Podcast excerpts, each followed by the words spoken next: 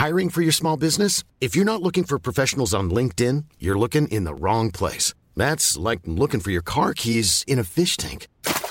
LinkedIn helps you hire professionals you can't find anywhere else, even those who aren't actively searching for a new job but might be open to the perfect role. In a given month, over 70% of LinkedIn users don't even visit other leading job sites. So start looking in the right place. With LinkedIn, you can hire professionals like a professional. Post your free job on linkedin.com slash people today.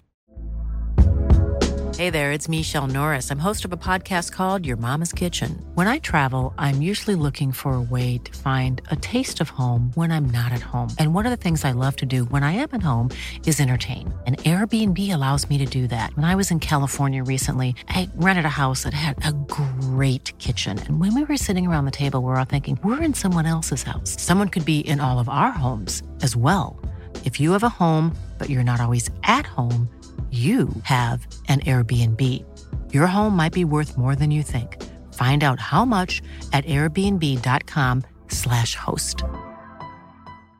Hey, Dave. Yeah, Randy. Since we founded Bombus, we've always said our socks, underwear, and t shirts are super soft. Any new ideas? Maybe sublimely soft. Or disgustingly cozy. Wait, what? I got it. Bombus. Absurdly comfortable essentials for yourself and for those facing homelessness. Because one purchased equals one donated. Wow, did we just write an ad?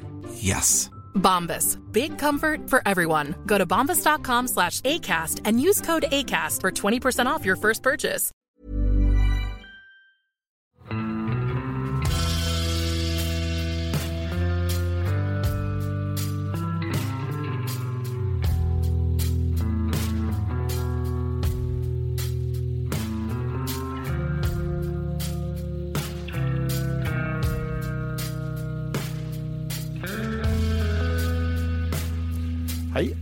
Velkommen til podkasten Uteliv.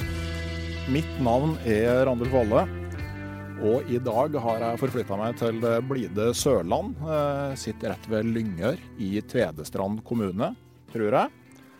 Jeg skal være med på Friluftslitteraturfestivalen 2019, som går av stabelen her i kveld. Og det skal også dagens gjest. Han har en lang merittliste som friluftsfant. Gått i gang med et prosjekt med å gå Norge på langs etappevis. Har masse turerfaring i tillegg. Er kjent som både blogger og YouTuber. Har lagd 30 TV-program for TV 2 og stilt på rød løper som, i dress som nominert til Gullruten. Og alt det før han er fylt 18 år. Velkommen til Isak Knutsen. Tusen takk. Det er hyggelig å være her. Det er gøy å være med. Jeg tenkte når jeg begynte å gå gjennom den lista her, jeg får litt sånn der Martin Ødegaard-feelingen. Altså, Hvordan i all verden kan du ha rekt det her så fort? Nei, Det har jo gått ganske fort. da. Jeg begynte jo ikke å blogge før jeg var sånn, var sånn i 13 år gammel, tror jeg. Men også, det, som er kult, da, det er at det gikk så kort tid før denne bloggen min ble nominert til Nordens og Norges beste friluftsblogg. Og etter det skjedde, så har det egentlig Ja, da har det bare vokst veldig, og da har veldig mange lagt merke til bloggen. da, Og det var det som gjorde at det, det ble TV-program. Mm. Men sånn med friluftsliv generelt, da, hvor lenge har du, er det noe du har drevet med sånn sammen med familien hele oppveksten? Ja, det, det, det vil jeg si det er. Jeg er oppvokst i en veldig friluftsglad familie. Både mamma og pappa de liker veldig godt å være på tur. Så helt fra jeg og brødrene mine var veldig små, så har vi vært på tur. Både litt, litt langt vekk og ganske nærme og sånne ting. Bare korte turer. Så det er nok det som har på en måte fått meg til å like friluftslivet. da, Iallfall i de senere åra, sånn som nå. Mm. Men Hva slags type turer er det du har vært på med familien? Altså, har dere ligget i telt, eller er det andre type turer? Ja, vi, vi er litt forskjellige. Sånn, vi har gått på sånne korte turer bare når vi kom hjem fra ja, barnehage først, og så skole og så, sånne ting. Helgeturer og bare eh, spise middag nede ved vannet og sånne ting. Men òg det med å dra på telttur. da. Så vi har vært på lavvotur sammen, alle sammen. Sånn en til to timer kjøretur fra der vi bor, oppe i landet. Og fiska, og vi har brent bål, og det har vært bare liksom Jeg tror pappa og mamma har vært veldig opptatt av å gjøre at friluftsliv skal være på en måte positivt, da, en positiv opplevelse. Så det er jeg glad for. Ja, Det må jo ha funka ganske bra? Ja, jeg tror, jeg tror de har lykkes med det. Men, men, det med å begynne å dra på tur og overnatte og sånn på egen hånd, når begynte du med det? Jeg tror den aller første teltturen jeg var på alene, det tror jeg var når jeg var tolv år gammel. Uh, ja. Og da, da var jeg ganske dårlig på å pakke sekken noen sjøl. Jeg visste jo ikke helt hva man skulle ha med, og hva man gjorde på telttur og alt det der. Så jeg hadde jo heldigvis satt opp telt da på forhånd, så jeg visste at jeg klarte å sette opp teltet. Det visste jeg. Så da, det jeg gjorde da, var å pakke bare alt jeg trodde jeg kanskje skulle trenge oppi sekken, så den var jo blytung, altfor tung, til en natt. da, Så tok jeg den på ryggen og gikk fra huset mitt hjemmefra og inn i Gjerstadskauen på Tromøya. Det var sånn seks kilometer, tror jeg, å gå. Uh, og den sekken der gjorde vondt i skuldrene, husker jeg, når jeg kom fram. Og, men da var det deilig å komme fram, da. Uh, men jeg husker den natta veldig godt. Uh, og jeg visste jo ikke akkurat hva man gjorde på en måte på tur. Jeg begynte på sånn i vinterstid, da, så da ble det jo mørkt veldig tidlig. Så jeg kom fram der og tenkte hva, hva gjør man nå, da? Når jeg satt opp teltet, nå er klokka fem, liksom. Hva, hva gjør man da? Så da, da, var det litt sånn Første teltturen var litt sånn hm, jeg, må, jeg må lære finne ut hva man gjør på tur. Det var liksom det jeg lærte ut av første teltturen. Ja, altså, men det er jo at når du da stikker ut alene, altså du lærer jo veldig, veldig fort på den måten. For altså hvis man er sammen med foreldre eller noen som kan ting mye bedre enn deg, så blir det jo veldig lett at de gjør mye. Ja, det er helt sant. Man, det er veldig sant, fordi når man er alene, så har man jo ikke noen som man kan spørre. Da, man, da må man på en måte bruke den kunnskapen man har. da. Og det, sånn lærte jeg veldig fort de første gangene jeg var på tur alene. Lærte godt å sette opp telt, lærte å tenne bål sjøl. Eh, lærte å lage enkel mat på tur, og fiske og alt det der. Så, så det var eh, ja, veldig fint med de første turene, at du på en måte lærte ting sjøl veldig godt. Ja. Jeg husker jo sjøl at eh, altså jeg hadde jo en familie som var, eller vokste opp en familie som var mye på tur, men bare på dagstur. Så jeg måtte finne ut av alt det som hadde med telttur å gjøre på egen hånd. Begynte å ønske meg stormkjøkken til jul da jeg var elleve, og, og konfirmasjonspengene som redda meg sånn at jeg kunne begynne å dra på telttur. Men det var en sånn ganske lang og litt sånn smertefull prosess med å finne ut hvordan man gjør det her på et smart vis. da. Ja, det, det er helt klart. for det det er, liksom, det er mange utfordringer med å være på telttur som man ikke på en måte blir kjent med i hverdagen eh, når man sover en, inne, tørt inne på en myk seng og har det fint. Men uh, når man er på telttur, så kommer det litt andre utfordringer. Da. Så det er jo, og Siden jeg begynte litt sånn på vinterhalvåret, så det er det jo det med at det er kaldt og alt sånn, Da er det ikke alltid så fristende å lage mat og alt det der ute hvis det er dårlig vær. Så må man det samme med stormkjøkkenet. Bruke det inne i teltet, lære det på en trygg måte. ikke sant? Det er jo, Mamma og pappa husker jo, de var litt sånn, litt sånn halvskeptiske på å sende en tolvåring alene ut uh, med primus i teltet, liksom. Men de visste at de hadde trent meg opp til å bruke den, så de var på en måte trygge på det. Så det er jeg glad for. Ja, absolutt. Jeg har ei jente som er ja, nærmer seg åtte nå. Det er jo litt sånn sær tanke. selv om hun har vært masse på tur og skulle sende henne ut alene på vintertur om fire år. Altså, Jeg håper, håper jeg tør, hvis hun har lyst. Men uh, husker du på en måte hva det var du likte med å være ute på tur? For nå må det jo ha vært som du uh, likte, i og med at du fortsatte såpass mye med det? Ja, det jeg husker jo eh, Først og fremst var det litt sånn spennende. da. Jeg synes det var litt spennende, I hvert fall med de første turene alene. At, og det, det, var gøy og en god mestringsfølelse på en måte, å klare seg alene. liksom. En, en hel natt uh, borte fra familien. og ja, Du har klart å lage maten sjøl, du har satt opp huset du sover i liksom sjøl. Du har gått dit sjøl. Det er en ganske sånn kul, kul opplevelse sånn sett. Men også er det òg det jeg liker veldig godt naturen. og det var fint. Jeg syntes det bare var fint liksom, og rolig. Jeg slapper godt av da, sånn, av å være ute. Så ja. Det er jo noe av det jeg liker best. da, Men uh, også etter, etter, liksom, på turene etter det så har jeg jo funnet ut mer og mer hva jeg liksom liker. da, Og det er jo noe av det samme, men det er mer tilbake til det med følelsen av å slappe av mentalt. da, Det er liksom sånn veldig bare deilig å være ute. Ja, for det, det, så vidt jeg har forstått, så er det ikke noe enklere å liksom, være ungdom i dag enn det var før. Altså det, det, kjenner du på det her med at det er mye sånn eh, press på å være vellykka på alle vis? og at det liksom, altså, er, er det godt å måtte ha en sånn frisone? Ja, for meg er friluftsliv faktisk veldig sånn som det er. Det at Når jeg kommer ut på tur, da, jeg, da tenker jeg ofte ikke på alt som skjer rundt. Da er du litt i din egen verden. Eh, det er veldig deilig. Da tenker du på å holde det bålet i live og sette opp teltet riktig og få blåst lufta i underlaget ditt og ta ut soveposen og alt det der. Du, du tenker ikke på liksom å løse denne matteoppgaven riktig eller sånne ting. Da, for nå kommer jeg rett for mattetentamen, og da har det vært så mye mattetenking. Så det er deilig.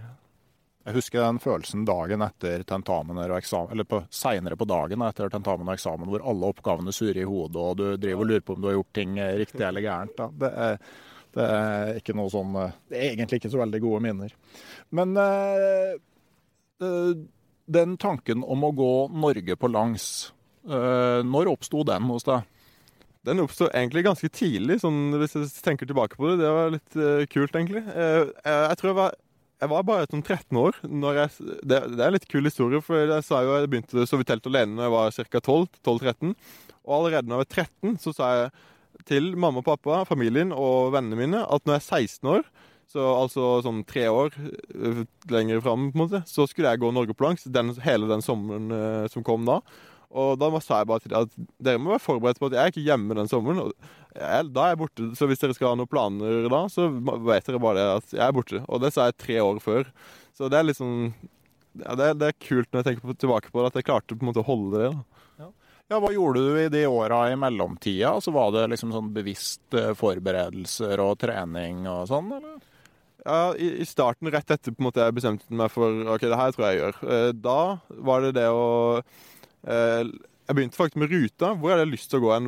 Hvilket område, hvilken områder er det lyst til å innom? Hva er det som er fint? Det begynte jeg med. Og så var det det Skal jeg gå alene? Nei, jeg tror jeg har lyst til å dele denne opplevelsen med en turkompis. Og da begynte jeg å gå litt på jakt etter turkompiser som var gale nok til å bli med på en sånn uh, lang tur. Og det var ikke like lett, så det tok ganske lang tid. Ja, Kan du fortelle litt om hvordan du, hvordan du fikk deg noen å gå sammen med? Ja, uh, jeg dro jo på tur med litt forskjellige folk fra klassen og sånn en stund. Og etter hvert så traff jeg på en fyr som heter Simon. Uh, han bor faktisk bare sånn fire kilometer eller tre kilometer unna huset mitt, så er, vi bor veldig nærme. Og vi har gått i barnehage sammen og på skolen sammen helt fram til ungdomsskolen. Og da bestemte jeg og Simon oss for å ta jegerprøven sammen. Uh, og så når vi var på jegerprøven sammen, så fant vi ut at eh, Eller jeg, jeg, på en måte sa at jeg har tenkt å gå Norge på langs da, eh, når vi er 16, eller eh, den sommeren. Så sa han ja, det høres jo kult ut. da. Så spurte jeg han bare en gang for jeg hadde lyst. Har du lyst til å bli med? Liksom? Så sa han ja, vi, jeg har lyst til å bli med på det. Uten å tenke seg så mye om, så sa han bare ja, jeg blir med. Jeg har lyst. Så tenkte jeg ok, hmm, det, det, er kult. Da, nå, nå må jeg ta han med på litt turer, så kan vi trene litt sammen og bli kjent, godt kjent. Så, så det gikk jo tida etter jeg ble kjent med Simon mye til. da, At vi dro på turer sammen og ble godt kjent og på en måte ble sam, samspilte i, det, i turliv. På en måte, ja, no, Hvordan vi var på tur. da, liksom At han stått opp telt, og at jeg tente bål og sånne ting. Ja, for uh, ut, nå har jeg jo sett litt på, uh, på, uh, på TV-serien som ble her. Det ble en barne-TV-serie av det. Vi skal komme litt tilbake til det. Og, og, det virker jo som dere har det veldig fint sammen på tur. Mm. Ja, Simon er en kjempekar å være på tur med, det må jeg bare si. fordi det, det er du kommer sikkert tilbake til det òg, men det er ikke alltid liksom, eh, så lett å være på tur med én fyr så lenge. Men med Simon så går det veldig fint. Så det er kanskje noe av det aller viktigste når man er på langtur, at man, eh, man er sammen med noen som eh, på en måte takler det. Og, og Simon gjør det veldig bra. Han er, han er veldig positiv på, eh, person. og ja, vi samarbeider veldig veldig godt når vi er på tur. da. Eh, når måte, jeg sier at han er litt sliten, så hjelper jeg han. Og når jeg er litt sliten, så hjelper han meg. Uten at jeg trenger å si fra. Det er bare sånn, det gjør man fordi vi, vi, vi kjenner hverandre så godt nå. Det er veldig kult når man eh, opplever det. Hvordan er dere med temperament? Har dere lang eller kort lunte? Vi pleier å si jeg, Simon, at jeg er ganske lang lunte, mens Simon er kort lunte. Så det er litt sånn interessant, da. Men uh, men jeg vet ikke helt. Det er kanskje fordi jeg er så rolig at uh, Simon på en måte ikke blir så lett sur. For han blir ikke det når vi to er sammen, men uh, jeg vet jo at han er litt kort lunte, han. Ja, for jeg har liksom ofte tenkt at det er litt greit at man er relativt lik akkurat på det feltet. ja, det kan man kan jo tenke det, da. Men det, det går nå bra. Jeg vet ikke. Jeg prøver å lukte lunta hans før, før, det skjer noe galt, for å si det sånn. Ja, man kan vel finne ut det etter hvert, ja. Men da eh, Når dere virkelig satte i gang, altså, og det her begynte å nærme seg, altså, hva tenkte foreldrene deres da? Ja, Det var jo et punkt eh, Ikke sånn egentlig sånn veldig veldig lenge før at vi faktisk måtte få et ja. da, Vi kan faktisk gjøre det. her. Det har jo vært en, på en måte, drøm lenge, og vi har sagt at vi skal gjøre det, men vi har ikke fått noe sånn ja, det, det kan dere gjøre liksom enda. Det skjedde bare sånn ni måneder kanskje før planlagt avreise. Og da, da var det jo først jeg som hadde fått ja, da, og så var det Simon som skulle få ja fra hans sine foreldre. Og da var det litt snakk fram og tilbake om eh, er det her greit, hvordan kommer det her til å gå, og alt sånn. Men eh, etter vi fikk ja, eh, sånn ni måneder før, så ble det jo plutselig fullt kjør på planlegging og trening. For da var det sikkert, da skulle vi gå, og da var det plutselig veldig mye som måtte på plass. Og du har jo vært på langtur, så du vet jo det. Det med at ni måneder kan høres utrolig lenge ut, men ni måneder er ikke så lenge når du skal legge ut på en såpass ekstrem tur. Nei, altså Helt etter når man på en måte skal ha et vanlig liv ved sida. For dere, eh, altså, dere valgte jo å, å ta Norge på langs etappevis, sånn at du kunne kombinere det med vanlig skolegang. Ja, det er sant. Det, vi har ikke på en måte lyst til at den uh, turen skal påvirke skolen i stor grad, så, så det er derfor vi går i etapper. da. Men første året var vi jo veldig ivrige, så vi begynte faktisk å gå i påska. Eh, så vi hadde jo egentlig tenkt å ikke gå i påska hvis det eh, var snø. Da hadde vi tenkt å droppe det, fordi ja, vi ville bare begynne bart, på en måte, fordi det, vi var mest vant til det. Eh, for turlivet blir litt annerledes når det er snø. Og, men så kom påska, da, og det var snø. Så var vi så ivrige, for vi ville jo begynne Norge på langs. Så da tenkte vi ah, vi gjør det likevel. Så dro vi til Lindesnes og gikk eh, opp til Evje, eller nesten opp til Evje. Så det var en god uke. Eh, og det er, ganske, det er vi ganske glad for at vi gjorde. Eh, gikk en sånn testetappe. Vi hadde vært på mye sånn helgeturer og sånn på forhånd, men en uke på tur er ganske annerledes enn en helg. For eh, på en helg så kan du jo f.eks. presse kroppen din litt og gå si to mil på en dag, og så en og en halv mil neste dag, og så kommer du hjem og så kan du hvile. Men på en uke, så hvis du holder på å gå en, to mil da, om dagen i en uke, så blir kroppen veldig sliten etter hvert. Og særlig hvis ikke du er vant til det. Så det merka vi godt. Vi lærte veldig mye på den, eh, den uka der.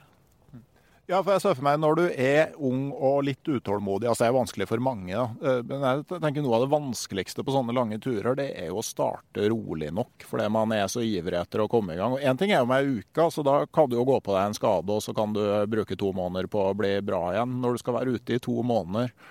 Eh, altså Hadde dere på en måte noen plan for, for, eh, for tempoet?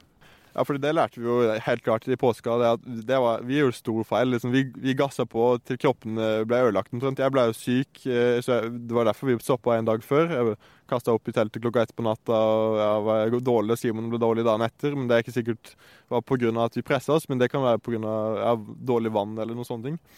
Eh, men også når vi kom til eh, sommeren, da, da skulle vi jo gå to måneder sammenhengende.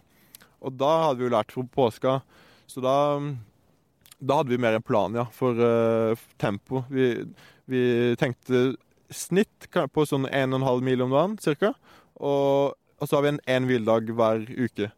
Sånn i snitt, da. Men det, var, det, er jo noen ganger vi blir ivrige da òg, det skal sies, da. Men sånn, når man skal avslutte en etappe, f.eks., og så vil vi liksom inn til mål og ah, det, Vi bør egentlig ta det her på to dager, men ah, vi bare gjør det. Så sånne ting skjer jo av og til, da. Og det er ikke helt bra. Nei, men Samtidig så er jo på slutten av etappen at sekken er lettest og sånne ting òg, så er det kanskje da man skal gå hardest. Men altså, hva, hva slags vekt endte dere opp med sekkene på starten av etappene?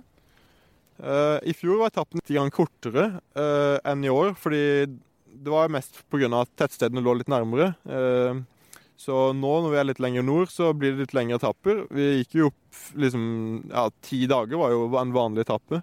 Og da, være, da, ble det tungt med mat oppi sekken, og da var de faktisk oppi eh, De var oppi 30 kilo når vi begynte. Og så gikk de sånn ned til rundt 25 kilo, da, gjerne, eh, i slutten av etappen. Ja, det er, det er, en tung sekk når man skal, når man skal gå langt. Da. Eh, men sånn med logistikk, altså med mat og utstyr og sånne ting, altså hvordan praktisk gjør man det på en sånn tur? For du bærer jo ikke med deg alle havregrynsrasjonene fra start, som, eh, som, du sier. Ja, det er sant. Og i fjor så var vi jo heldige. ikke sant? Vi spilte jo en TV-program i fjor, og da hadde vi et sånn produksjonsteam på en måte som, som hjalp oss litt. Vi filma sjøl, men vi hadde sånne utfordringer, du som har sikkert sett litt på serien, utfordringer underveis, og det var litt rigg rundt det. For eksempel gikk vi med en lama i noen dager, og, og da måtte jo den det, var, det er jo ikke bare, Den kommer jo ikke dit av seg sjøl, for å si det sånn. Så da var det noen som ofte filma oss akkurat under den utfordringa.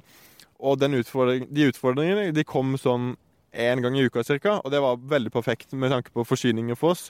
Så da tok de i Novemberfilm, som produserte serien, de tok med mat da, til oss. Så det var greit. Men i år så eh, jo, var jo ikke Novemberfilm med oss, og da tok vi og sendte den i posten. Og det var noe nytt, da. Så, men det funka ganske fint, det. Ja, ja, vel, eh, Stein P. Aasheim ja, han sa vel at uh, å gå Norge på langs er å gå fra samvirkelag til samvirkelag. Men uh, for de som bruker den metoden her, så blir det å gå fra postkontor til postkontor. Ja, det blir det. Men det det er, jo alltid gøy det, Ja. komme på et postkontor og hente en pakke. og Hva er det vi har lagt oppi den her? liksom En liten, liten skattejakt oppi den kassa når, når vi kom fram. Det er gøy. Ja, fikk dere noen sånne Alexander Gamme ostepop-moments? ja, vi fikk jo når, når, eh, når, de pakkene kom, så var det jo ofte sånn at vi ikke huska alt som var oppi de. og sånn da. Så, så, det var litt gøy, fordi vi hadde plutta opp litt sånn overraskelser. Noen ganger hadde mamma og pappa de hadde snekputta oppi noe som ikke vi visste hva var. og sånne ting. Så det var alltid gøy å få litt uh, overraskelser. Eh, da Bengt Rotmo og jeg gikk eh, Nordvestpassasjen, så brukte vi litt det samme trikset. Bortsett fra der var det sånn 500 km mellom hvert sted. Uh, og jeg har aldri sett Bengt så skuffa som når vi Jeg tror vi hadde kommet til Jøhavn og gått de to første etappene. Han var helt sikker på at det var snus i den pakka vi hadde sendt der, og så viste det seg at det var ikke det. Det var en forferdelig nedtur for en stakkars hverdaling. ja, ja, det er kjipt når man ikke husker hva som er oppi. Ja. Du snakka om det med ruta, at det var noe av det første du begynte med, med å velge liksom plassene du, du, hadde lyst til å se. Altså, hva var det første du liksom merka og eh, liksom sa at hit skal jeg? Nei, Det var jo litt sånn praktisk òg. Jeg hadde lyst til å gå på ja, øst, litt øst i Norge. Eh, mo, litt mot svenskegrensa. For det første syns jeg det er veldig fint, eh, særlig opp mot Alvdal og liksom eh, ja, Røros litt Femundsmarka innover den veien. Det er veldig sånn fint å gå. Med tanke på at du går med veldig tung sekk og går veldig langt hver dag, så er det ganske flatt og fint. Og ganske sånn lettgått og veldig fint. da. Så der hadde jeg jo lyst til å gå innom. Eh, men også var det òg det ja, pga. fjordene etter hvert. da, At jeg hadde ikke lyst til å komme nedom de og måtte gå inn sikksakk. Så derfor var jo det første tanke. Jeg har lyst til å gå holde meg litt inne i landet. Og så var det jo å plukke ut litt områder du har lyst til å innom. da. Sånn som Børgefjell var jo et område som jeg hadde lyst til å innom i år. Eh, og det viste seg å være helt kanonfint. Vi var utrolig heldige med den etappen der. Eh, det er både jeg og Simon enige om at det har vært den fineste etappen til nå da, eh, på hele Norge på langs. Både pga. vær og fiske og ja, Da hadde vi noen turkompiser med. Pappa og en turkompis var med gjennom der. Så det var veldig gøy. Men eh, hvordan er det da å ha det der forflytningspresset? Altså Du kommer til Børgefjell, og så er det knallfint, og så må du liksom bare dure på videre fordi du skal nordover. Er det ganger hvor du liksom tenker at eh, i dag kunne jeg egentlig bare tenkt meg å ha blitt her?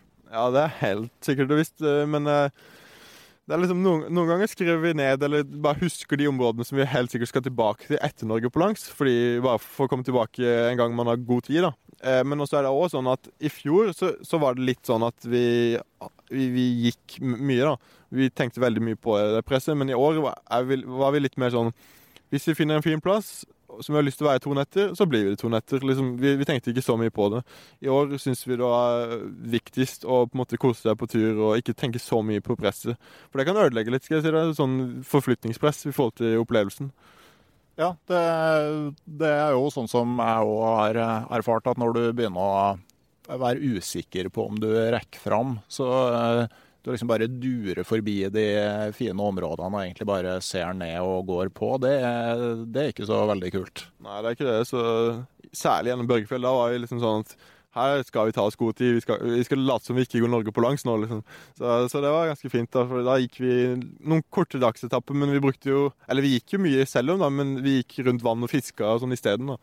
Så vi kom ikke så mye lenger nordover, men eh, eller vi kom jo nordover, men det tok litt lengre tid. da. Så, men det var verdt det, for vi fikk noen fine fisk. ja, ja, Blir det mye fisking? Ikke sånn alltid, men uh, sånn som vi, vi, velger også, da, sånn som Børgefjell, noen områder hvor vi har lyst til å på en måte, Her tar vi litt god tid, og så fisker vi litt mer. Så da blir det litt fisking. Men uh, vanligvis så blir det litt ja, en god del mindre enn på en måte, turer uten noe som helst forflytningspress. Da. Det skal i hvert fall sies. Og, så skal det også sies det at vi begynte no, sommeren i år med to uker sammenhengende med regn. Og Da er det ikke alltid like fristende å gå ut og fiske når du kommer fram og du er egentlig ganske bløt øh, og skal sette opp teltet og alt det der. Da frister soveposen og kakao mye mer enn fisk, fisking. Ja, jeg kan eh, skrive under på det. Da jeg og Hilde, som er gift med, gikk eh, New Zealand på langs, så hadde vi i desember, da vi gjorde ferdig Nordøya, eh, så hadde vi den våteste og kaldeste desembermåneden siden New Zealand begynte med værmålinger. Og det, det, det ble, det, og det her er områder hvor det liksom kan regne 30 millimeter på en time, sånn i utgangspunktet. Så det, det var det ble mindre fisking der enn vi hadde sett for oss. Ja, sånn er det. Så heldigvis fikk vi bedre vær da, seinere i sommeren. Da, kom, da ble det hele varmerekorder og sånne ting. Og det er jo ikke alltid greit, det heller, da. Men eh, jeg satte jo veldig pris på finværet når det kom. Men vi hadde jo faktisk oppi 35 grader i sånn tre-fire dager på rad. Det var helt det, var, det er ganske krevende å gå i. Ja, og Spesielt når du begynner å komme såpass langt nord etter hvert òg, så er det jo ikke så veldig mange timer det er mørkt til å sove i heller. Nei, du, det er jo ofte at vi, vi, bare legger oss i skyggen og prøver å sove av og til. Eh, fordi når det er liksom steikende sol på teltduken på morgenen og du står opp sånn klokka fem-seks på morgenen, og ja, nå klarer ikke jeg å være her inne mer, så da, da må vi legge meg en annen plass.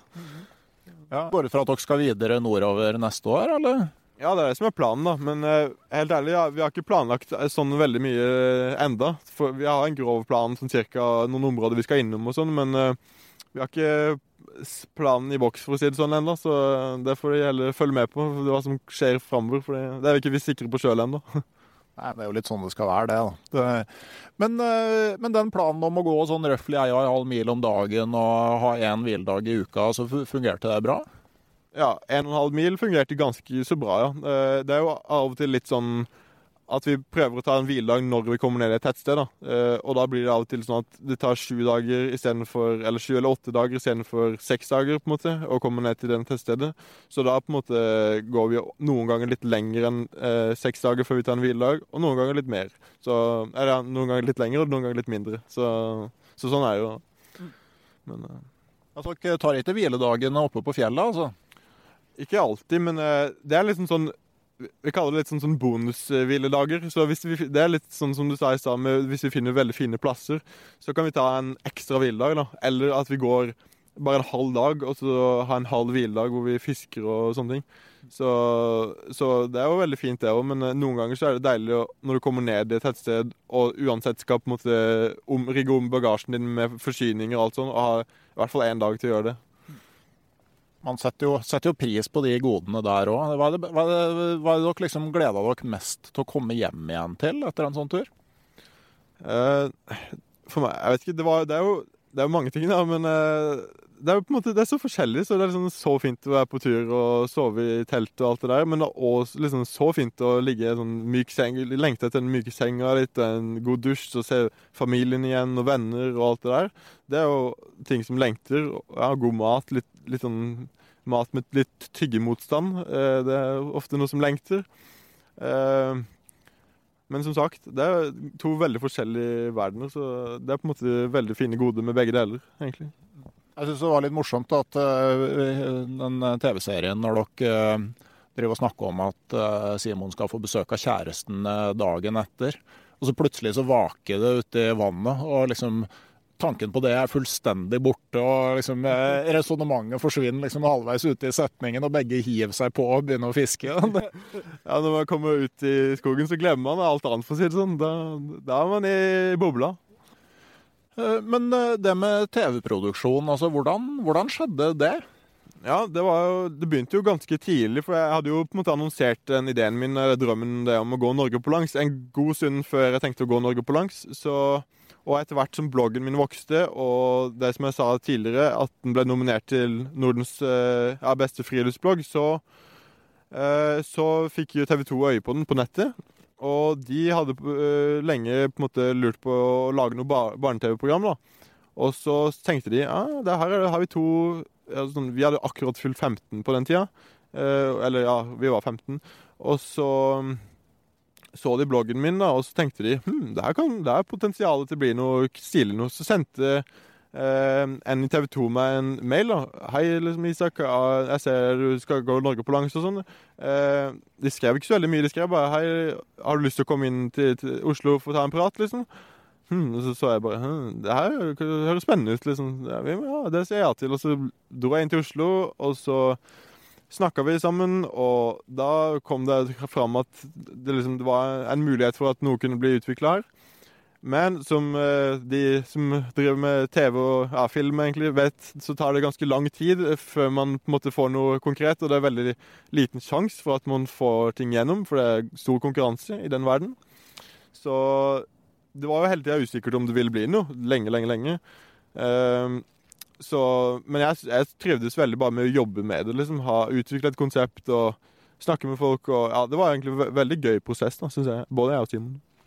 Ja, Det må ha vært veldig lærerikt bare med tanke på sånn YouTube-produksjon og sånne ting òg, for liksom være inne i en sånn prosess? Jeg har lært, lært utrolig mye av de novemberfilmfolka. De er veldig flinke, så, så, det er gøy. Men problemet mitt da, det er, det er at jeg, også, jeg, har ganske lite tid da, til å sitte med timevis og redigere og planlegge videoer og sånne ting. Så for meg så er foreløpig YouTube litt sånn ja, hobby som jeg bare gjør ja, litt for gøy når jeg har tid og sånne ting. Men det kan jo bli noe mer av det jeg får, hvis jeg får mer tid til det. da. Men jeg har i hvert fall lært veldig mye av novemberfilm, så jeg vet på en måte mye om hvordan ting funker. da. Så, så det var veldig gøy med TV-programmet. Så blei det jo en litt sånn annen vri, for det, det er jo en barne-TV-serie ut fra en Norge på langstur, og det er jo en ganske kul vri, da.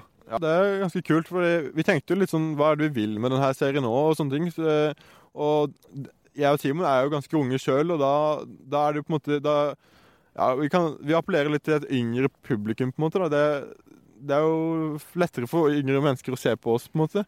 Og fordi Da tenker de barna at de er nesten litt sånn, sånn som oss. da. Så, og Da kan vi hjelpe på en måte litt å inspirere andre til å komme seg ut på tur. Ikke nødvendigvis å gå Norge på langs, men bare se liksom hvor fin naturen er. da, liksom når de ser på TV Oi, fins de plassene der? Kan man gå dit? Kan man hoppe i sånne kulper? Kan man se de dyra? Liksom. Det er litt kult for folk, barn å se tidlig. da.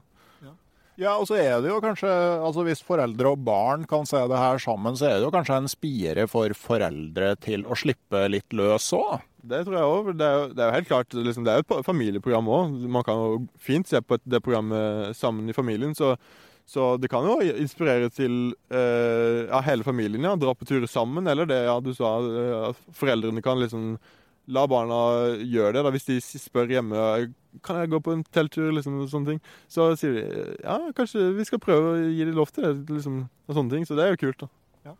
Men uh, hvordan holdt dere liksom, kontakt med familien? og altså, Hvordan hadde mammaen din det underveis? Ja, det er, jo, det er, jo, noen plasser man ikke har dekning overhodet, for å si det sånn. Vi var uten dekning i ja, mange dager og flere plasser, og vi var ikke så veldig mye på telefonen heller, skal det sies. Men, eh, men da hadde vi eh, en sånn eh, ja, en Garmin tracker, en sånn satellitt-tracker, eh, og grunnen til at vi egentlig Eller okay, grunnen til at vi hadde det, var jo og fordi på en måte mamma og pappa vi kunne sende meldinger til familien og sånne ting. Det er jo selvfølgelig. Men òg det at uh, siden vi hadde TV-program, så måtte vi av og til måte snakke med produksjonsselskapet, avtale når vi skulle møtes der og der, for de utfordringene. Og da var det jo ikke alltid vi hadde dekning på telefonen, så da var det viktig for oss å kunne sende melding, sende melding uansett hva. da. Eh, men vi ble brukt òg, ja, til eh, å sende melding til mamma og pappa og sånn. Så, fordi det var, det var flere historier, mye som skjer på langtur, så det var ting som skjedde hvor vi fikk faktisk bruk for den, for å si det sånn. da. Ja, har du noen historier om det, eller? Ja, en historie som var litt uh, interessant, det var jo primusen vår. Den gikk i stykker oppe på fjellet. Eller det vil si, de, de gikk en sånn mini-grusvei der, da. Uh, så det var sånn ganske nærme teltet. Men vi lå jo der det pøsregnet, og kom, vi, så fikk vi satt opp teltet, var skikkelig bløte og gleda oss til middag og kaka og alt det der. Og så Simon hadde gassbrenneren og alt det der i forteltet sitt, for det er han som pleier å ha fyret. Og han på, skulle skru på den gassen, da, og så sa han Isak, jeg, jeg, får, ikke på, jeg får ikke på det gasshodet. Og han bare Jeg bare ja, bare, bare, bare, prøv igjen, det går sikkert fint. For jeg, den funker jo alltid, det er jeg vant til. Så sa jeg sånn Ja, men nå har jeg prøvd igjen. Jeg, jeg får det ikke til. Kan, kan, du prøve? Så tok jeg den og sånn. Satt jeg en stund og bare prøvde. Nei, jeg, jeg får ikke den her på. Den der går ikke på. Så jeg ikke, hva gjør vi nå, liksom? Det, liksom kom vi kom ikke på noen løsning. Liksom. Da, da, tenkte vi virkelig på steike Vi trenger faktisk flammer og varme til noe, da. Veldig mye. Og så tenk, akkurat på den biten av tappen, da hadde vi ikke noe bålkjele sånn til eh, å bruke på bål da, med oss. Fordi det hadde vært Det var i 2018, akkurat denne opplevelsen. Og da hadde det vært så tørt. Den liksom tørreste og varmeste sommeren på 70 år i Norge. Og da fyr- fyrte ikke vi noen bål. Eh, Så da hadde vi ikke med det. Så da tenkte vi vi trenger den her. Og så tenkte vi OK, da. Det er greit. Vi, vi spiser energibarer liksom, til middag i dag. Liksom. Det går greit. Og så går vi ned og kjøper uh, Går vi en sånn ganske god omvei og kjøper eh, en ny, sånn, et nytt stormkjøkken en dag seinere eller noe. Vi måtte jo gå sånn to og en halv mil i hvert fall for å komme til nærmeste plass. Da Da tenkte vi ja, men søren, det er jo søndag i morgen. Å, steike, da. Det da gikk den planen i dass. Så nå, nå, nå har vi et problem, liksom. Så, så måtte vi sende meldingen da. Til, sendte melding til mamma og pappa først. Du, gassbrenneren vår funker ikke. Hva, hva gjør vi, liksom? Kan dere ordne noe? Liksom, jeg vet ikke, visste ikke helt hvordan de skulle ordne noe, men uh, det som skjedde da, det var overraskende kort tid det gikk, og pappa hadde ringt til uh, masse folk i det nærmeste tettstedet. Og fikk jo mange nei og sånne ting, men eh, plutselig kom han over en kar som hadde drevet friluftsbutikk. Og han sa ja, jeg har sju primuser uh, liggende hjemme, ja. så jeg kan kjøre opp til gutta nå jeg, med en uh, primus. Klokka var en halv ti på kvelden, det var bekmørkt og Nei, det var ikke mørkt, forresten, det var sommeren. Men uh, så kom han opp, da. For vi fikk jo melding av han vi, vi fikk lagt inn telefonnummeret hans på trackeren, for det var litt tungvint det òg. Fordi vi hadde jo ikke dekning, så vi kunne ikke ringe eller sende meldinger på telefonen. Og den trackeren det tar jo en halv evighet å skrive en melding på den. så det var litt tungvint. Men plutselig så kom han opp. Vi, vi gikk opp eh, til den grusveien og venta der. Eh, vi venta ikke mer enn tre minutter. Så kom bilen, eh, vi så lysa. og sier det kan ikke være han, de kan ikke gå så fort. Og så, og så kom han, og så stoppa han. og så er det dere gutta som trenger primus, eller? Og vi bare Ja, det er oss. Altså, jeg sto der barbeint vet du, i, i grusen, og vi så helt ut som noen uh, villmarkinger der. og Vi hadde jo vært på tur lenge da. Og han ga oss primusen. Her er det primusen, gutter. Og her har dere en eh, flaske med cola, kald cola og potetgull, så kan dere kose dere i kveld. Og jeg bare Steike, det her var jo helt topp, liksom. Og da var vi glad for at vi hadde den trackeren med. Altså, fytti katta. Så bra. Men det, det er jo eh, Altså man regner med at man får en del sånn artige reaksjoner, og at folk er ganske velvillige når de hører at du er ute og går Norge på langs? Ja, vi er, det, det er noe av det kule med å gå Norge på langs. Vi, vi treffer så mange hyggelige mennesker på turen. Eh, og som syns selvfølgelig at det er kult da, at vi går Norge på langs. Så vi, vi snakker med mange folk vi møter. Vi, vi syns det er gøy å snakke med de vi møter. Og det, det resulterer jo mye rart. Vi har jo spist vafler inne inn på flere hytter med hyggelige mennesker og blitt invitert på middag på hytter. Og vi har, ja, vi har truffet noen molteplukkere en gang som hadde med sånn kjøleelement med kald cola og sjokolade. da. Og så sa de bare ja, men vi skal jo bare på en kort tur og så ned til hytta dagen etter. Så vi trenger jo ikke colaen, dere går Norge på langs. Så her, vær så god. Så ga de oss liksom all colaen de hadde og sjokoladen. Og vi bare Det var jo så deilig for oss som ikke har drukket brus eller sjokolade eller noe på lenge. da. Så ja, det er veldig veldig mange hyggelige mennesker man treffer i fjellheimen. Og så går jeg fra at en del av de plassene dere er innom, er ganske til at folk som går Norge på langs, kommer forbi. For det er spesielt oppe i Trøndelag og sånn, så er det jo en del sånn tettsteder du nesten ikke kommer utenom hvis du skal gå Norge på langs. Ja, det, det er klart. Det merker vi som sagt der oppe i Trøndelag og litt eh, Ja, der, ja. Eh, Rett ved svenskegrensa der. Der var det sånn på en måte Norge på langs-passering, liksom. Så de sa ja, ja, vi, det er flere, ofte flere i uka som kommer her, liksom. Jeg bare Oi, i er det så mange, liksom. Altså, da var det sånn hvis dere går Norge på lang, så får dere gratis burger. Liksom, det var denne elgeburgeren eh, Gratis elgeburger, liksom. Og vi bare, for det, var en ganske vittig historie, det òg. For vi hadde jo ikke tenkt å få noe gratis mat. Vi hadde tenkt å betale. Fordi vi hadde, vi også tenkt å spise der. Det, det skal sies. Vi Simon betalte, vet du. Han tok fram kortet. Plasserte det inn i, eller holdt på å ta det inn i terminalen. Og så plutselig sa han, hun der som jobba i kassa, rykka terminalen fra han. Han bare skvatt litt, og så bare Nei, siden jeg ser dere går Norge på langs, for det sto, sto Norge på langs på skjorta til Simon, da skal dere få den gratis. Og vi bare Oi da, det var jo veldig hyggelig, da. Så fikk vi gratis elgeburger. da. Og så var det sånn hytte man kunne sove i på veien nå, som, eh, bare for de som gikk Norge på langs. Så der var det jo skikkelig Det var ganske gøy, da. Hvor, hvor langt kom dere i løpet av sommeren i år? Uh, I år eh, Det er jo en historie igjen. Det, vi måtte stoppe faktisk en uke før i år uh, pga. skade. Eh, Simon ble skada. Og vi kom til eh, flyplassen i Mo i Rana, eller Mo i Rana. Der stoppa vi. Vi hadde tenkt å gå gjennom Saltfjell og Svartisen der eh, før vi stoppa, ned til Rognan. Men eh, Simon hadde en liten plage med foten sin i ja, jeg tror det var flere uker egentlig før, uh, før vi måtte stoppe. Men da var det så svakt at han tenkte ikke egentlig over at det her kunne bli noe alvorlig. For det er jo ofte sånn når man går på tur, langtur at det kommer små smerter av og til, og så går det igjen, og så kommer det litt tilbake igjen og sånne ting. Selv når vi er unge, sånn som oss. Men det skjer. Men det skal sies at han er ikke alltid den som passer mest på liksom, kroppen sin. Hvis, hvis de det kommer noen signaler, så så er det jo av og til han bare driter i det, da. Så det var en av de gangene. Og da merka han det godt etter tre uker. Når vi hadde etter vi hadde hatt en hviledag i Mo i Rana, så skulle vi begynne å gå igjen. Og da sa Simon til meg liksom, når vi begynte å gå, at Isak, jeg har ganske vondt i beina nå, så jeg håper det går vekk mens vi går. Så gikk vi ja, det var vel sånn fem kilometer eller noe. Da sa han liksom nå begynner det å bli sånn skikkelig vondt. Nå tror jeg ikke jeg kan gå så mye lenger. Um, og så, For vi skulle til en camping den dagen. eh, Campingplass.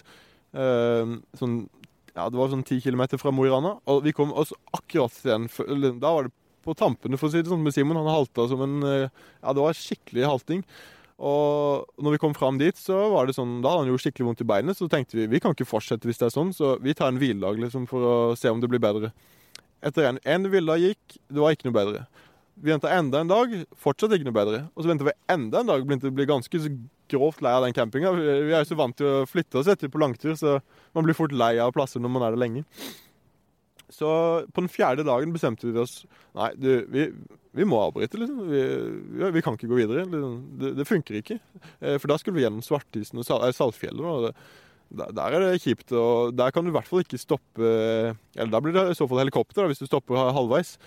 Så det var så for, ganske flaks, for vi lå jo langs E6-en på en camping, to kilometer unna flyplassen til Mo i Rana. Så det kunne vært mye verre sånn sett. Eh, Så, så da, på den fjerde dagen, bestemte vi oss for å bestille fly- flybilletter hjem. Og ja, da var det jo bare det om å komme seg opp til flyplassen. Og det var ikke så lett det heller, egentlig. når Simon hadde vondt i beinet, så det var to kilometer ned der var nok, for å si det sånn. Høres eh, fornuftig ut å bryte av, men eh, dere har jo noen utrolig flotte områder eh, foran dere eh, med, ja, med Saltfjell og kanskje videre inn mot Sulis. Ja, det blir, det blir Vi gleder oss steike mye til de områdene der. Nordlandet har jo så fantastisk natur, så det blir kanon. Men, men noe jeg ikke spurte deg om sånn innledningsvis, altså hva var det som fikk deg til å begynne å tenke på å gå Norge på langs sånn i 12-13-årsalderen? Eh, Det som fikk meg til å tenke på det, det var nok Det var nok at jeg var ganske så inspirert av Lars Monsen. Ja, det tror jeg det. For jeg hadde sett veldig mye på videoene han har laga, TV-programmet og seriene, og lest ja, sosiale bøkene hans eh, allerede da jeg var så ung. da. Eh, Så da tenkte jeg liksom Ja, jeg liker jo å være på tur, tenkte jeg. Så hvorfor ikke bare fortsette dag etter dag, se hvordan det er? Bare gå videre og videre og se hvor jeg kommer, på en måte. Men jeg, liker jo på en måte et mål òg, da, av og til. Eh, Det er fint å være på tur uten på en måte noe spesielle ting du må, eller en avstand du må gå, men jeg liker av og til å ha et mål. Så da tenkte jeg ja, gå gjennom hele Norge, liksom. Er ikke det ganske, høres ikke det kult ut, liksom? Så tenkte jeg jo, jeg tror det. Så det var på en måte sånn jeg ble inspirert til å gjøre det, da. Monsen var en stor del av det. Mange som har blitt eh, inspirert av, eh, av Lars, er ingen tvil om. Det. Norge på langs-boka er jo fantastisk moro. Jeg, jeg flirer fortsatt når jeg leser eh, der hvor eh, det er whiteout og de går på ski. Og eh, Lars Monsen, det er vel han som står i hockey. Og tror han suser nedover, og så står han helt i ro på flatmark. Og Trond Strømdal som står og ser på og flirer av han. Ja, det er ganske skummelt, det med Whitehead. Det er masse vittig i den boka der. Det, det kan være en god, god bok å lese før man skal på langtur. Jepp. Eh, Men eh, er det fortsatt moro å være på langtur? Ja, jeg ble egentlig bare mer med dilla på langtur, altså, fordi Jeg skal snakke om det litt i foredraget i morgen, men eh, det blir eh, Det må være liksom på tur over en lengre periode. Man, da slapper man av, og man tilpasser seg på en måte det å være ute da, på en helt annen måte enn du rekker å gjøre på en helgetur. Selv om helgetur er helt supert, det er så fint å bare lufte seg og komme seg ut og sånn. Men for min del, som har gjort det så mye, så, så er det noe liksom ekstra spennende med langtur. Så, så jeg er veldig dilla på det. Jeg syns det er kjempegøy fortsatt. jeg liker veldig godt den der følelsen når du kanskje har vært ute nærmere to uker, men så er det fortsatt lenge igjen av turen. Det er, det er dritkult. Liksom. Det var to uker på tur. Liksom. Jeg husker første gang 2018-etappen. Når vi hadde vært på to uker på tur, så var det liksom seks uker igjen. Og vi hadde liksom allerede vært på tur lenger enn når vi noen gang hadde vært på tur sammenhengende. Liksom. Så det, var, det føltes som en evighet, men vi digga det. da. Jeg syns det var litt morsomt med han uh, turkompisen din Simon, som uh, dere snakker litt om det her med å savne familie og sånn. Men han liksom tenkte at OK, han hadde jo bodd sammen med familien hele tida i 16 år. Han så liksom ikke helt grunnen til at, han, at det skulle være et problem å være borte fra dem i to måneder da.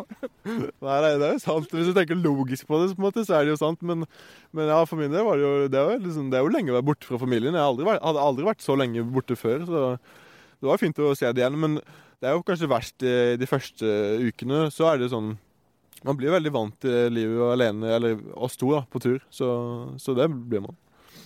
Jeg synes liksom det er sånn at det, Når du drar på langtur, så er det litt rart de første dagene. Og så er det en sånn lang periode i midten hvor alt bare durer i vei. Og så er det på slutten så begynner du å tenke på at du vil hjem.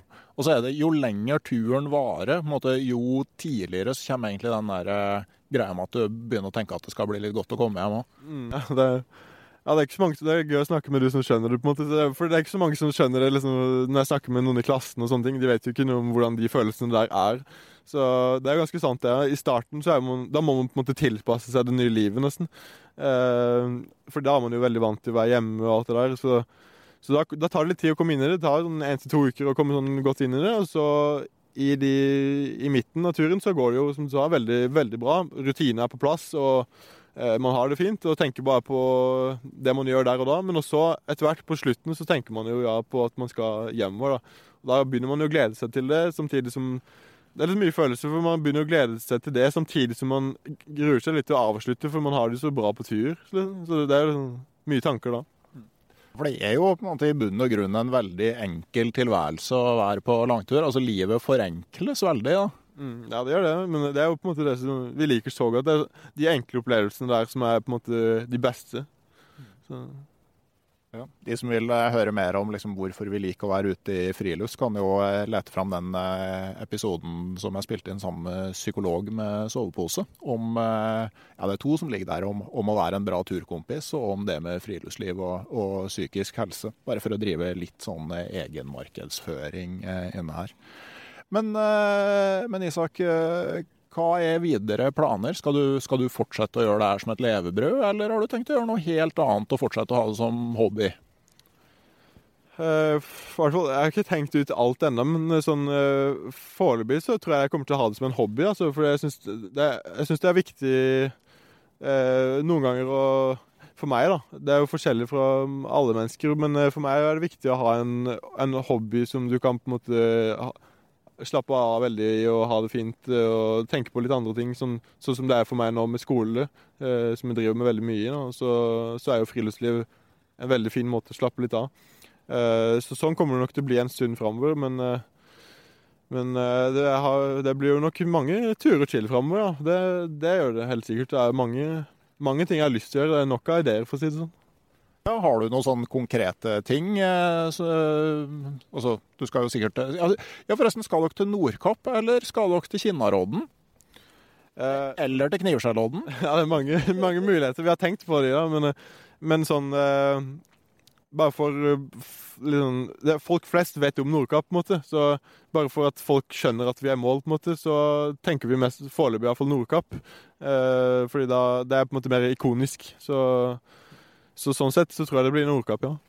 Men uh, Knivskjærlodden, det er faktisk mye finere å se Nordkapp fra Knivskjellodden enn fra Nordkapp. Og i tillegg uh, så kan du da fiske i Norges aller nordligste ørretvann. Det er to vann ute på Knivskjellodden. Jeg har fått ørret i det sørlige. Det er Norges tredje nordligste ørretvann. Så uh, en uh, liten utfordring. da. Få ørret uh, lenger nord enn det jeg har klart. Det er kult. Det er en kul utfordring. Jeg, kanskje vi må besøke begge to. da. Det, jeg må jo på en måte være på Nordkapp, føler jeg, som ikke har vært her. Men, men jeg må jo på nord nordligste punktet. Det er, jo, er ikke det nordlige enda nordligere?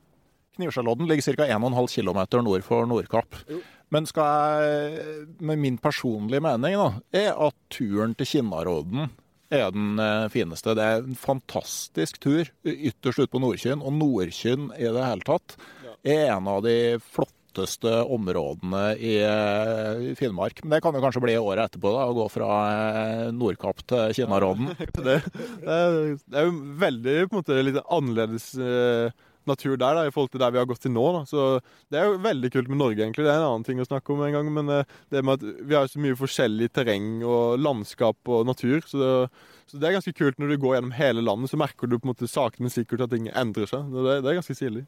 Det er veldig artig med å gå til fots. Det at du, måtte, altså at du får tid til å merke at ting skjer sakte, men sikkert. Og så i tillegg, når jeg fløy inn til Kjevik i dag så Jeg forstår virkelig hvorfor stort sett alle som går Norge på langs, går på en smell på de første etappene inn i heiene. For du verden for et gaupeterreng.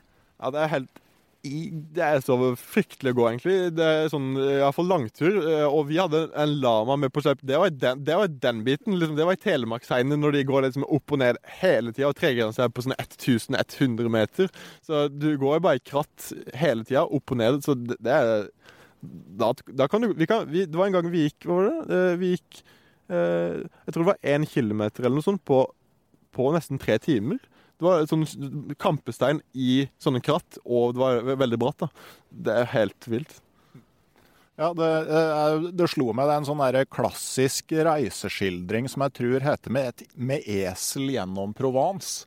Den er gjenutgitt på norsk. Og så er det en som har gått opp igjen turen uten esel. Sånn boka heter vel 'Uten esel gjennom Provence', tror jeg. Men dere da måte, kan skrive boka 'Med lama gjennom heiene'.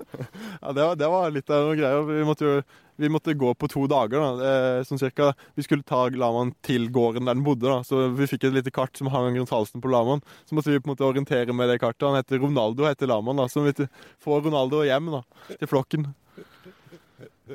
Det er i hvert fall én ting som Lars Monsen ikke har gjort, som, eh, som dere har gjort. da. Ja, Det er ikke så veldig mange tror jeg, som har gått, på, har gått deler av Norge på langsekspedisjon med lama. Jeg tror kanskje vi er de eneste som har gjort. Frista det å ta den med videre, eller var dere glad for å få levert den fra dere? I starten var det veldig fint og koselig å ha en lama på tur, men det gikk ikke sånn veldig lang tid før det begynte å bli litt eh, irriterende å ha den med, fordi den var litt sta, kan du si. Den la seg ned der den ville ligge og sånne ting. Bestemte over tempoet vårt, for å si det sånn. Eh, Nå begynner det å bli ganske mørkt her ute i skjærgården. Det, nå har vi kommet til den tida av året hvor det faktisk er lysere i sør eh, enn i nord, riktignok. Men uh, vi ser vel Er det Lyngør fyr vi ser utpå her, tror jeg? Ja, jeg tror det. Jeg bor jo ikke akkurat her, men jeg har jo vært på noen båtturer og sånn i nærheten, så det er vel det. Og det var vel her ute det var bulder og brak under napoleonskrigene og alle store krigsskipene Najaden som ble senka inne på Lyngøy rev. De mente vel at det var ikke mulig å ta de britiske krigsskipene inn hit, men det klarte de. da. Senka den dansk-norske marines stolthet rett ute i, rett ute i skjærgården her. Men vi skal vel trekke tilbake på Lyngørporten eh, hotell og høre foredrag med Stein P. Aasheim. Det blir stas. Det blir eh, veldig spennende, ja. Det blir mange bra foredrag eh, i helga, så det blir gøy. Jeg gleder meg til å høre foredraget ditt og se film i morgen. Tusen takk for at du ville være med her, Isak. Ja, tusen takk for at vi fikk lov til å komme. Du er jo mulig å finne både på nett og på sosiale medier og eh, sånne ting. Det kan vi legge inn i, i episodeinfoen, så folk kan eh, følge deg og finne ut eh, både hva som blir ruta videre nordover neste år, og hva som eventuelt kommer videre der. Og når det gjelder podkasten Uteliv, så er det som vanlig en ny episode klar om ei uke. Ha det bra.